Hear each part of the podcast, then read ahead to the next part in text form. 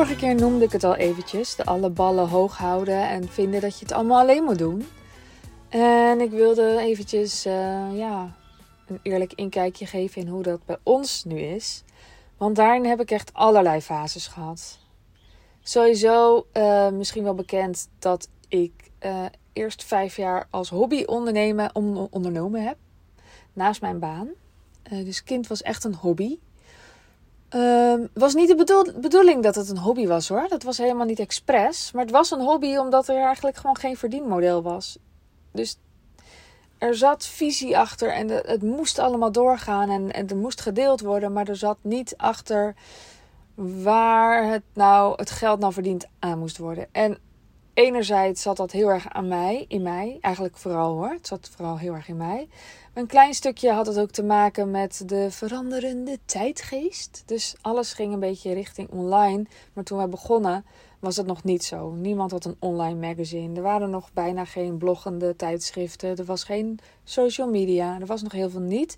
Dus de enige weg voelde banners maken op je website. Er waren niet eens cursussen of zo. Er was geen Zoom. Dat was er gewoon allemaal niet. Het was echt een andere tijd.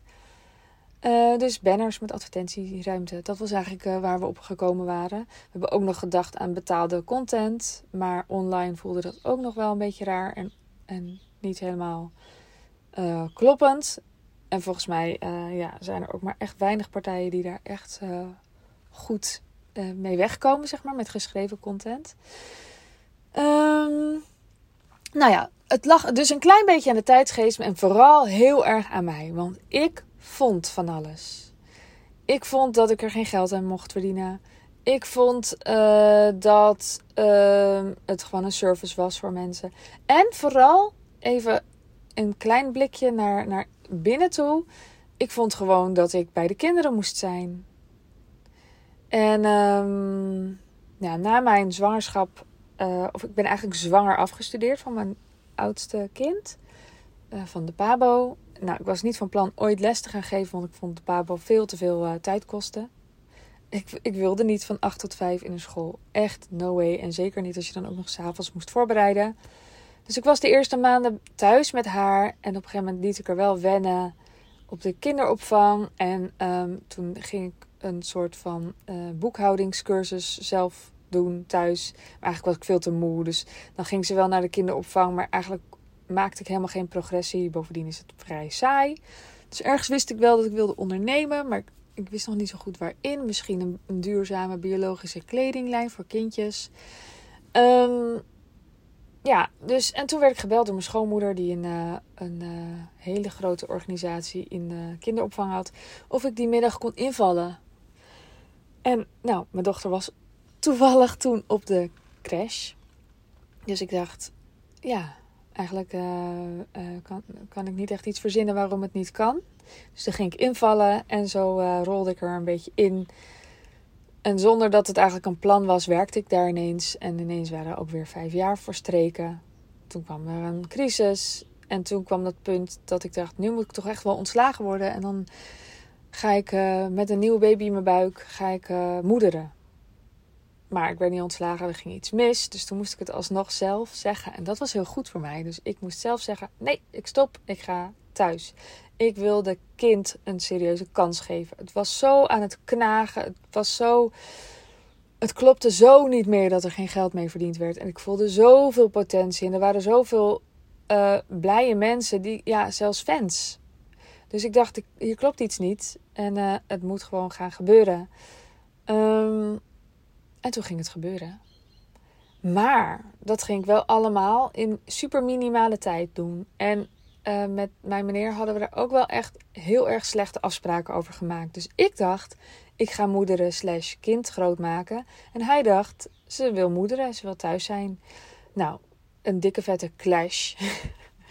nou ja, clash. Het was niet per se een ruzie of zo. Maar wel dat het niet goed uitgesproken was. Waardoor dus heel veel gedoe gaf. Heel veel onduidelijkheid vooral. En um, ik was eigenlijk gewoon met een baby op schoot of in mijn, aan mijn borst een, een, een heel boek aan het uitgeven. En herschrijven en van alles. Dat was best wel heftig. En op het moment dat die uitgegeven werd, bedacht ik dat er een festival moest komen drie maanden later. En was ik ineens in de organisatie van een festival. Dus ik ging enorm in een gigantische young energie. En mijn partner dacht: Oké, ik zie er alleen maar met een baby achter een laptop zitten. Nou ja, als ik daar aan terugdenk, denk ik ook: Jeetje, dat is echt niet. Hij voelt echt niet oké. Hij was wel echt onder een jaar een super erg een baby. En hij was wel de hele dag bij me. Maar ik zat gewoon met mijn energie in dat scherm, zeg maar. Vooral ook. Ja, niet alleen maar. Oké, ik overdrijf ook een beetje. Maar mijn aandacht was wel echt alleen maar die twee dingen. Nou, mijn dochter was er ook, maar die half, die woont nog steeds halftijds bij haar vader. Dus als ze er niet was, was ik gewoon uh, met een baby aan het werk. Um, ja, ik heb wel echt allerlei fases gehad in hoe we het thuis geregeld hebben. Dus op een gegeven moment dacht ik, dit gaat niet meer. Um, hij ja, er was iemand die ik kende, die was gastouder. En toen dacht ik, ja, bij haar wil ik wel graag dat hij komt. Ik wilde hem niet naar de crash, maar dat wilde ik wel. Dus vanaf een jaar ging hij dan, volgens mij twee ochtenden of zo, naar haar toe. Um, had ik iets meer tijd. En ook toen heb ik echt wel best lang nog gehad. Ook zelfs toen de derde kwam, dus dat was nog drie jaar later. Dat ik gewoon echt, als ze er niet waren, was ik keihard aan het werk. Ook s'avonds. En dan waren ze er. Dan vond ik dat alle schermpjes weg moesten. En dan was ik er voor hen.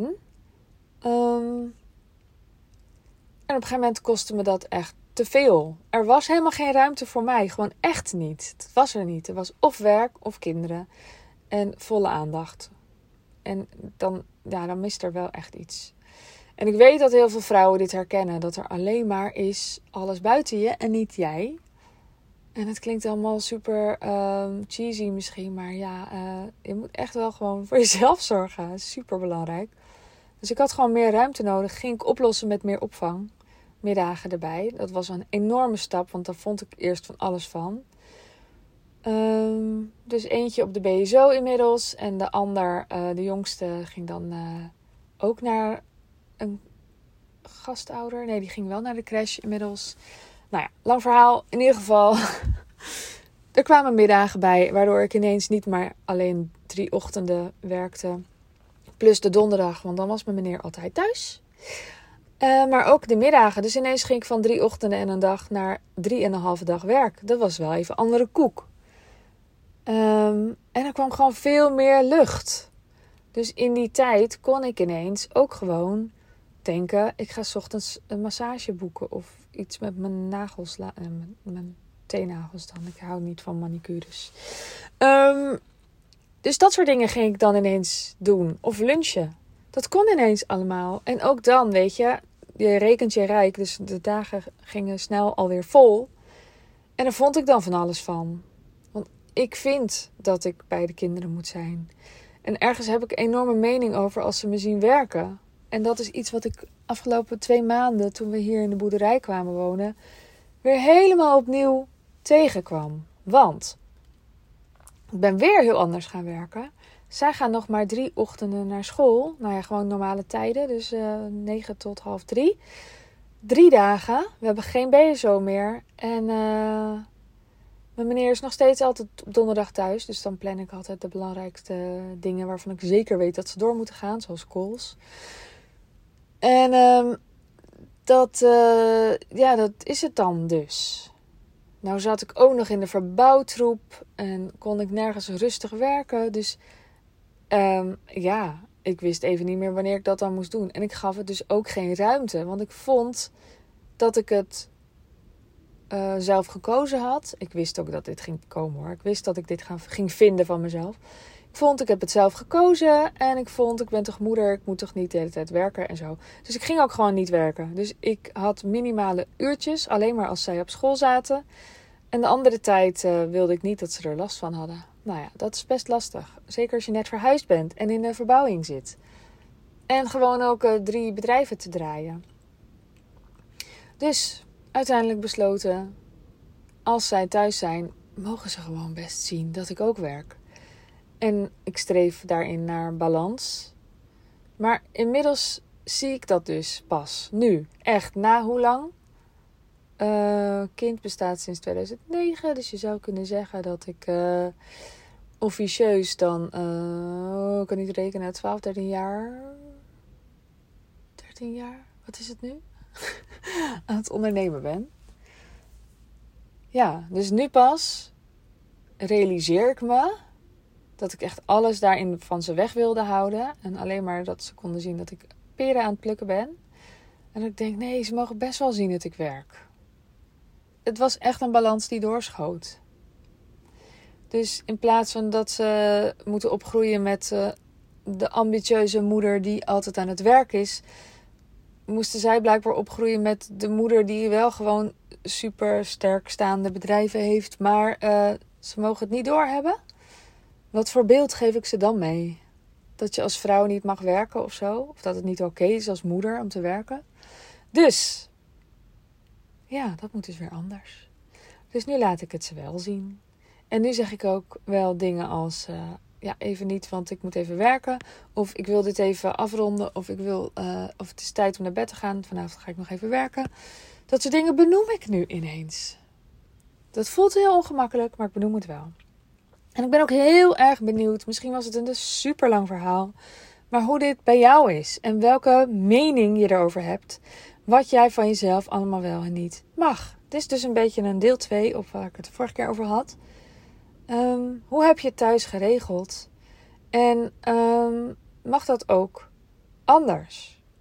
Wat ik nog eigenlijk een beetje vergat te zeggen, is dat ik ook met mijn partner daar een gesprek over heb gevoerd. En dat ik heb gevraagd: wat wil jij eigenlijk?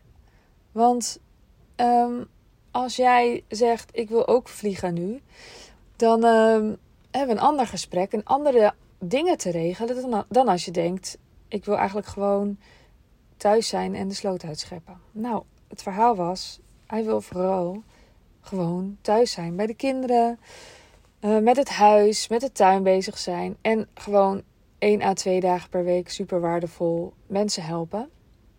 Dus ja, dat uh, zijn puzzelstukjes die mooi in elkaar vallen.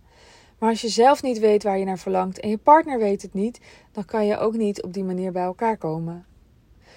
Dus vraag aan jou. Heb jij het hier met een, als je een partner hebt, met een partner over? Met je partner over? Wat wil hij of zij en wat wil jij? En kan dat bij elkaar komen?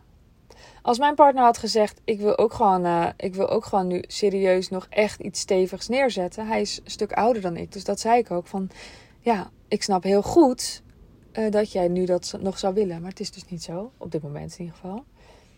Maar dan hebben we dus andere dingen. Dan hadden we gewoon andere dingen te bespreken. Van hoe gaan we dat dan doen? Dan, uh, dan hebben we ondersteuning nodig in huis. En uh, ook daarin wisselen wij. We hebben vorig jaar gehad dat er drie mensen per week kwamen. Twee die kwamen schoonmaken, waarvan één ook echt een lekkere maaltijd meenam. En de ander ook echt klusjes deed als bedden verschonen en dat soort ontzorgende dingen. En er was nog een, een derde persoon en die kookte ook nog twee maaltijden. Dus we hadden voor drie maaltijden ja, eigenlijk ingekocht. Want ik hou niet zo van afhaaltroep. Ik wil gewoon een echte lekkere maaltijd.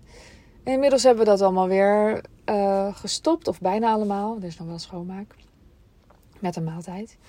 Maar heel veel afgebouwd daarin. En wie weet, eh, ja, als, als, als mijn uh, meneer ook wil vliegen, dan gaan we het weer anders doen. Maar je kunt daar naar kijken. En, en het vraagt dus ook iets. Als jij dus meer wilt werken, dan is het dus ook wel van belang dat het iets gaat opleveren. En dat het niet een hobbyprojectje blijft. Want dan gaat het knagen.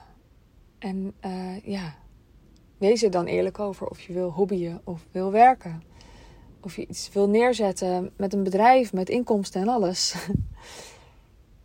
ja, en als je wil dat je bedrijf super stevig staat en je bent bijvoorbeeld coach of teacher, healer, facilitator, iets met mensen, ehm, dan kun je bij mij instappen. En uh, we beginnen 1 december met het traject van vier maanden, Wilde Vrouw Business Traject. En daarin uh, verwacht ik van jou dat jij al uh, wel blije klanten hebt. En dat je ook wel weet wat je kan. En hoeft nog niet alles duidelijk te zijn, maar in ieder geval wel dat je ergens wel weet dat je iets kan. en dan gaan we goed kijken naar welk aanbod past bij jou en gaat ook zorgen voor dat je en rust ervaart, maar dat er ook gewoon cash binnenkomt. Dat het gewoon klopt met elkaar. De waarde die je geeft en de waarde die je ervoor terugkrijgt. Ehm, en dat het faciliterend is aan het leven dat je wil opbouwen. En ik help je daarin ook echt wel met de marketing, met je content, met je verkoop. Ehm, zodat het stevig staat. En dat gaan we in vier maanden doen. En uh, ik heb ook echt gekeken hoe kan het in vier maanden. En dat uh, is door er ook gewoon vier live dagen aan te koppelen. Dus dan kom je naar me toe. En dan hebben we elke dag een, uh, een onderwerp. Dus bijvoorbeeld een stevig verdienmodel of supersterke content. Daarover kan je meer vinden op sandyzachte.nl bij Wilde Vrouwen Business Traject. En als je instapt voor 21 november, dan kun je er 24 november nog bij zijn. Want dan ga ik met mijn partner een dag geven. Uh, waarin hij opstellingen gaat doen met ons, met jullie, met jou. Uh, om jou van de handrem af te halen. Wat houd je tegen om te gaan? En dat is dus een van die waardevolle dagen die hij wil geven, waarin hij mensen super goed wil helpen. Dus ik vind het echt super fijn dat hij dat met mij wil doen. En mocht je meer vragen hebben, stel ze vooral gewoon even. Ga niet denken van, oh, dit zal wel zo of het zal wel dit, dit en het zal wel niet voor mij zijn. Check het alsjeblieft even bij me. En je vindt mij op @sandyzacht op Instagram. Dan kan je me gewoon een pb'tje sturen. En uh, anders kan je dus op mijn website kijken. Nou, bedankt voor het luisteren. Ik ben ook heel erg benieuwd hoe jij het geregeld hebt en hoe je het zou willen regelen thuis. En ik wens jou een hele fijne ochtend, middag, avond, nacht. En tot de volgende keer. Doei doei! Wil jij bouwen aan 10 keer meer eigenaarschap over je leven? Wil je dat door middel van zelfvoorzienend leven in het kleinste zin van het woord, ondernemerschap en persoonlijk leiderschap? Kom dan bij Community Leven in Vrijheid, waarin een hele groep wilde mensen is die hier ook mee bezig zijn, die dit ook willen en die heel graag met je willen uitwisselen. Over moestuinieren, over grootse plannen, over hun eigen bedrijf opbouwen, over allerlei aspecten die allemaal samen zorgen voor een, een leven buiten de logge systemen. Ga naar wildemens.nl als je erbij wilt.